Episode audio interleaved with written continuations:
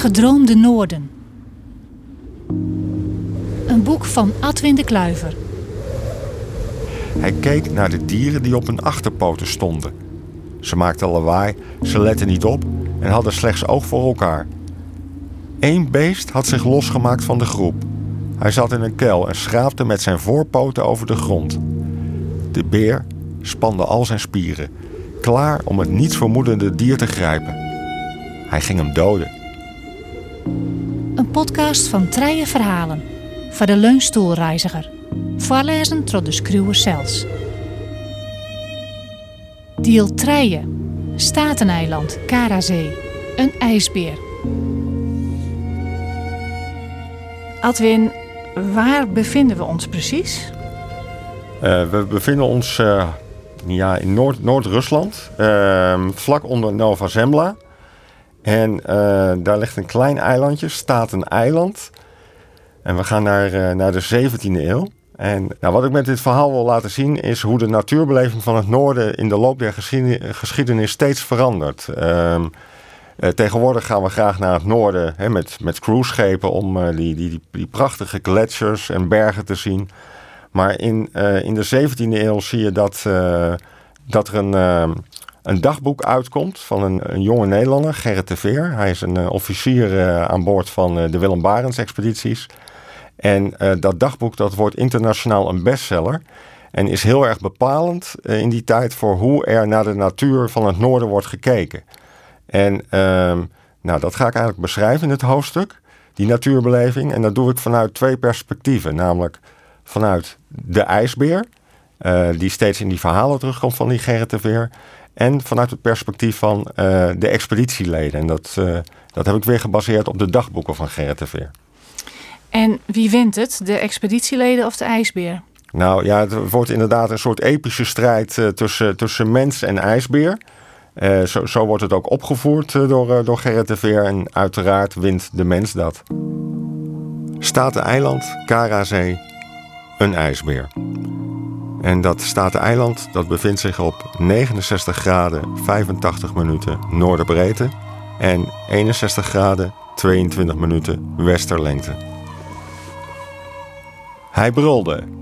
Met een poot sloeg hij op de grond. Hij smeet een brok ijs naar de vluchtende zeehond. Weer was zijn prooi hem te vlug af. Wie was hij? Hij was een ijsbeer, een witte beer, een poolbeer, een zeebeer, een Ursus maritimus, een Talarctos of Nanook, zoals de mensen in het noorden hem noemden. Zelf kende hij geen mensen en geen namen. Wat hij wel wist, is dat hij de grootste was. Hij at zeehonden, walrussen, gestrande walvissen, beluga's, rendieren, muskusossen, vissen en als het moest ook een polhaas, een lemming of een eidereend. En niemand at hem. Hij stond aan de top van de voedselketen. Althans, zo had hij het geleerd in de eerste twee jaar van zijn leven. Nadat zijn moeder hem eerst had gezoogd en hem vervolgens stapje voor stapje had bijgebracht hoe je je eten moest vangen. Een jaar had hij daarna nog met zijn broer rondgetrokken. Samen hadden ze hun jachttechnieken verbeterd. Ze hadden gedood en gedeeld. En nu was hij al een paar jaar alleen. Zo had hij meer te eten. Hij leefde aan de rand van ijs, land en water. Hij zwom, hij klom, hij rende en sloop, sprong en doodde. Ruikend en spinnend legde hij duizenden kilometers af. Soms lopend, en wanneer hij door zijn isolerende vetlaag te warm had, verplaatste hij zich in het water. Hij kende inmiddels vele manieren om een prooi te verschalken. Hij had vooral geleerd te wachten. Dan lag hij doodstil naast een ademgat totdat een zadelrop boven zou komen om een hap lucht te nemen. Of hij liet zich bewegingloos, vermomd als een ijsplaat, dichter bij een zonnende klapmuts drijven, Soms schoof hij een sneeuwmuur op en ging hij erachter zitten wachten totdat een ringelropwijfje niets vermoedend uit haar sneeuwhol tevoorschijn zou komen. Een andere keer was er bruut geweld nodig. Dan sprong hij met zijn volle 500 kilo op het dak van zo'n hol en groef razendsnel het spartelende wijfje en haar jong op. Met zijn 18 kilo zware voorpoot sloeg hij de zeehonden de schedel in, waarna hij het vet naar binnen schrokte. Het vlees liet hij liggen voor vogels en vossen. En soms moest je slim zijn om te overleven. Wanneer hij een groep briesende walrussen aanviel, gebruikte hij een blok ijs als schild om zo niet doorboord te worden door de reusachtige slagtanden. Geduldig, inventief en nieuwsgierig, zo overleefde hij, maar vandaag zat het niet mee. De baardrop die hij had beslopen was hem te snel afgeweest. Tanden zocht hij verder, zijn neus in de wind. Hij moest eten. De dagen werden korter, de eerste sneeuw was al gevallen. Hij zat los in zijn vel, hij had vet nodig. Op een eiland ontdekte hij de vertrouwde geur van leven. Hij sloop dichterbij. Zijn voorpoten lagen plat voor hem. Zijn borstkas schoof over de nog dunne verse sneeuwlaag. Zijn stappen waren zo goed als onhoorbaar. Het haar tussen zijn voetkussens dempte het geluid van de krakende sneeuw. Steeds wachtte hij minstens tien seconden voordat hij weer een stap naar voren deed. Hij keek naar de dieren die op hun achterpoten stonden. Ze maakten lawaai, ze letten niet op en hadden slechts oog voor elkaar. Eén beest had zich losgemaakt van de groep. Hij zat in een kuil en schraapte met zijn voorpoten over de grond. De beer spande al zijn spieren, klaar om het niets vermoedende dier te grijpen. Hij ging hem doden.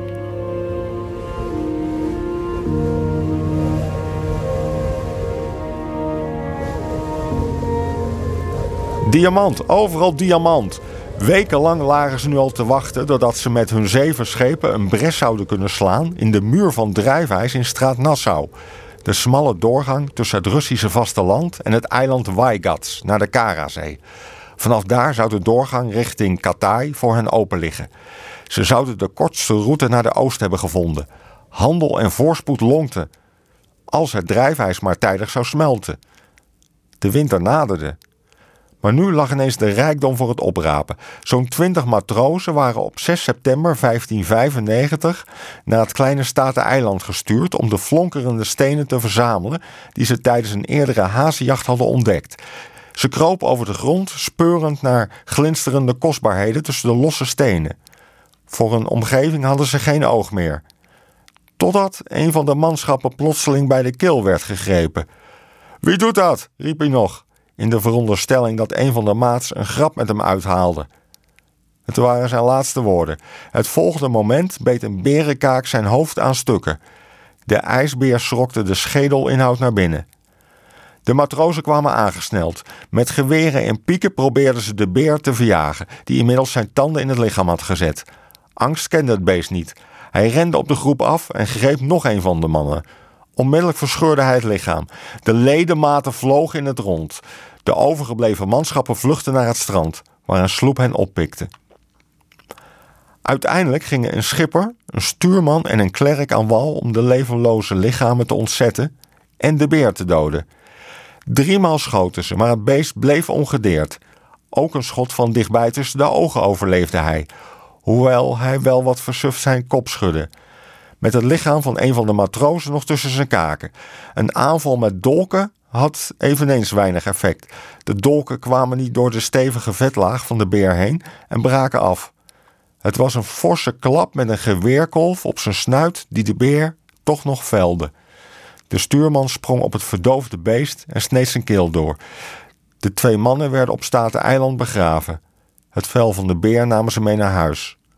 Op de windhond het schip van Willem Barens, tekende de lagere officier Gerrit de Veer de aanval van het vrede, felle en verslindende beest op in zijn dagboek.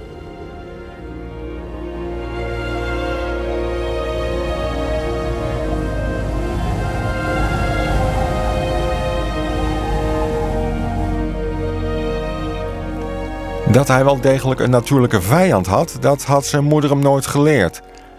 De dieren die op hun achterpoten liepen leken ongevaarlijk. Ze maakten weliswaar veel geluid, maar waren kleiner en zwakker dan hij. Met de minste inspanning had hij met zijn kaken de schedel gespleten en de inhoud van het hoofd naar binnen geslobberd. Veel vet zat er niet aan de beesten, maar ze leken een eenvoudige prooi. Totdat ze hem vanaf een afstand aan begonnen te vallen. Ze prikten in zijn lijf, gooiden met hoge snelheid kleine stenen naar hem zijn 10 centimeter dikke vetlaag beschermde hem aanvankelijk. Woest maaide hij met zijn poten, maar hij kon de dieren niet bereiken.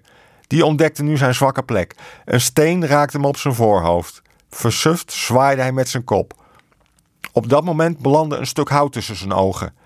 Hij voelde alle kracht uit zijn spieren verdwijnen. Het werd donker. Het was zeker niet de eerste keer dat de beer het van de mens verloor. Al duizenden jaren joegen Arctische volkeren op hem. Zij dichten de ijsbeer menselijke kwaliteiten toe. Nanook zou de jagers eerst toestemming geven om hem te doden. En zo voedde zijn vlees de Inuit. Verwarmde zijn vel de handen, benen en voeten van de noordelijke jagers en deed zijn vet dienst als brandstof in de lampen van ontdekkingsreizigers. De Noorse koning Hakan IV schonk in 1252 een levende ijsbeer aan de Engelse koning Henry III. Die hield er in de Londense Tower een bescheiden dierentuin op na. De beer ging daar een olifantgezelschap houden die hij van de Franse koning had gekregen. De ijsbeer had een halsband om met daaraan een lang touw. Iedere dag liep hij met zijn Noorse bewaker naar de Theems om te zwemmen en te vissen. De mens wist in de loop der eeuwen de ijsbeer voor vele doelen te gebruiken. De beer werd handelswaar. Hij was een bron van vermaak op kermis en in theaters, een statussymbool voor koningen, een knuffelbaar uithangbord voor milieubeschermers.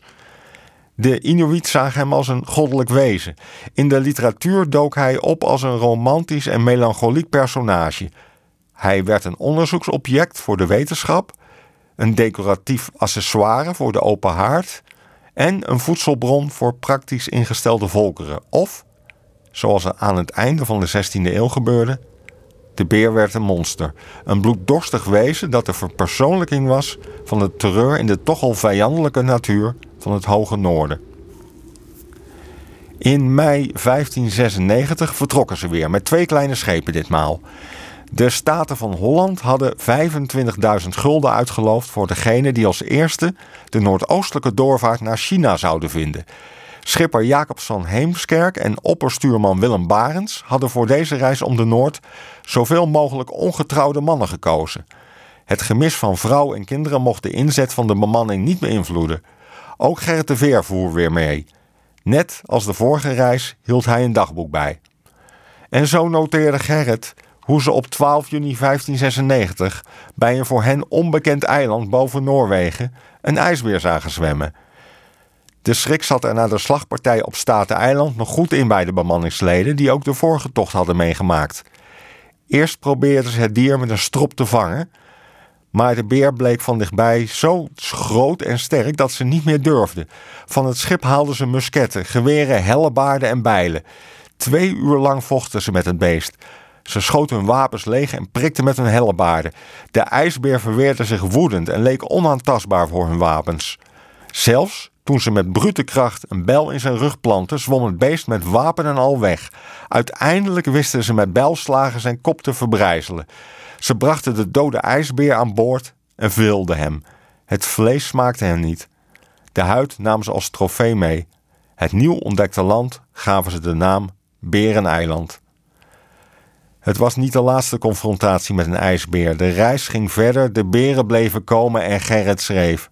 Hoe ze een beer doodsloegen die hun sloep wilde enteren. Hoe ze een beer die aan boord klom verjoegen met schoten. Hoe een zwemmende ijsbeer met een bijl de kop werd gespleten. De beer was niet langer een indringer die verjaagd diende te worden. De beer was een tegenstander die verslagen en gedood moest worden. Als bewijs van de suprematie van de mens over het dier. Als een opwindend spel op leven en dood. Als revanche op en eerbetoon aan de twee mannen die op Staten-eiland het leven lieten. Van roofdier was de beer prooi geworden. Op 11 september 1596 besloten Barends en Van Heemskerk dat ze die winter op Nova Zembla zouden blijven. Het tweede schip onder commando van Jan Corneliszoon Rijp had al lang geleden zijn eigen route gekozen. Hun schip zat nu gevangen in het ijs. Terugkeren was onmogelijk. Op de vaste wal bouwden ze een schuilhut die ze het behouden huis doopten. Het gestrande schip en de schuilplaats trokken regelmatig de aandacht van passerende beren. Gerrit beschreef hoe ze een ijsbeer door zijn kop schoten, zijn ingewanden uit het lichaam haalden en de dode beer staand op zijn achterpoten lieten bevriezen als een afschrikwekkend standbeeld voor zijn soortgenoten. Veel hielp dat niet. Er zouden nog vele beren volgen en gewelddadig aan een einde komen. Een opdringerig exemplaar kreeg een hellebaard in zijn snuit geplant. Eén beer probeerde zelfs via de schoorsteen het behouden huis binnen te komen. In de lente van 1597, toen de overwinteraars op het punt stonden om in twee sloepen de terugreis te aanvaarden, sloegen de ijsberen weer toe. In de laatste dagen van mei werden de mannen drie keer aangevallen. Twee beren werden na een spervuur van schoten gedood. De dieren werden geslacht. Het vlees smaakte na de lange en hongerige overwintering als een feestmaal. Maar de avond nadat de bemanning had gesmuld van een stoofpot van berenlever, kregen de meeste last van ernstige buikkrampen. Drie mannen lagen stuiptrekkend in hun kooi en waren plotseling blind geworden. Drie dagen later, nadat de hevigste pijnen waren gezakt, kregen de zieken blaasjes over hun hele lichaam, waarna ze als een slang vervelden. Van Heemskerk gooide walgend de pot met leverstoof leeg, ver buiten de schuilplaats. Na vier dagen was iedereen weer hersteld. Dood is de beer bijna gevaarlijker dan levend, concludeerde Gerrit de Veer in zijn dagboek. En iedereen die later over zijn belevenissen in het Hoge Noorden zou lezen, wist één ding zeker. De ijsbeer, dat is een monster.